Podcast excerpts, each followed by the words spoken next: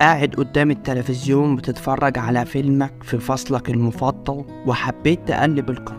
تيجي تقلبها تلاقي الريموت واقف فأنت كواحد مصري بتستغل الحكمة المعروفة إن الجيش قالك اتصرف. فتقوم بكل براءة خالع حجارة الريموت وتوضعها وتركبها مكانها تاني. وسبحان الله بتشتغل عادي. فتيجي تسأل نفسك سؤال ليه الحجارة اشتغلت لما عضتها؟ وهل الحجارة فضيت أصلا؟ ولو ما كانتش فضيت ليه وقفت؟ ده موضوعنا النهاردة. أنا إسلام الفقي وده بودكاست خمسة إفادة ويلا بينا نحطها في المقص.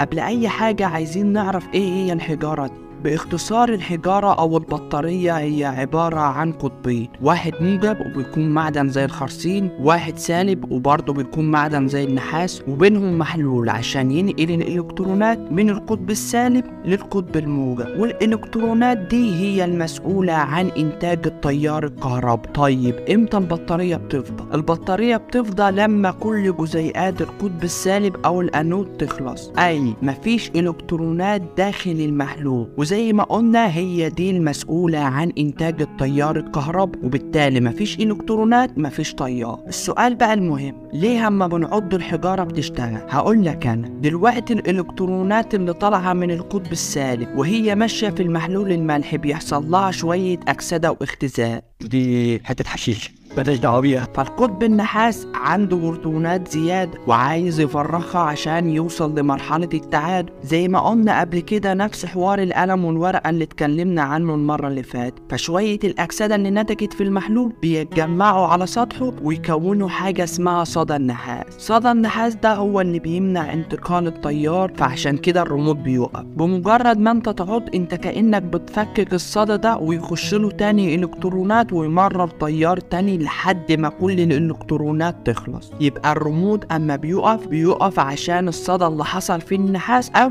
إن الإلكترونات كلها خلص هل بقى ده صح إننا نعضها؟ لحد الآن مفيش حاجة ظهرت في مصر عشان مفيش حد في العالم بيعمل كده غيرنا. إن حصل له ضرر من الحوار ده لكن خد بالك المحلول ده بيكون فيه زئبق وده ضار جدا. فاحفظ نفسك واستخدم أي حاجة تانية غير سنان. وبس يا سيدي ودي تكون نهاية حلقتنا النهارده.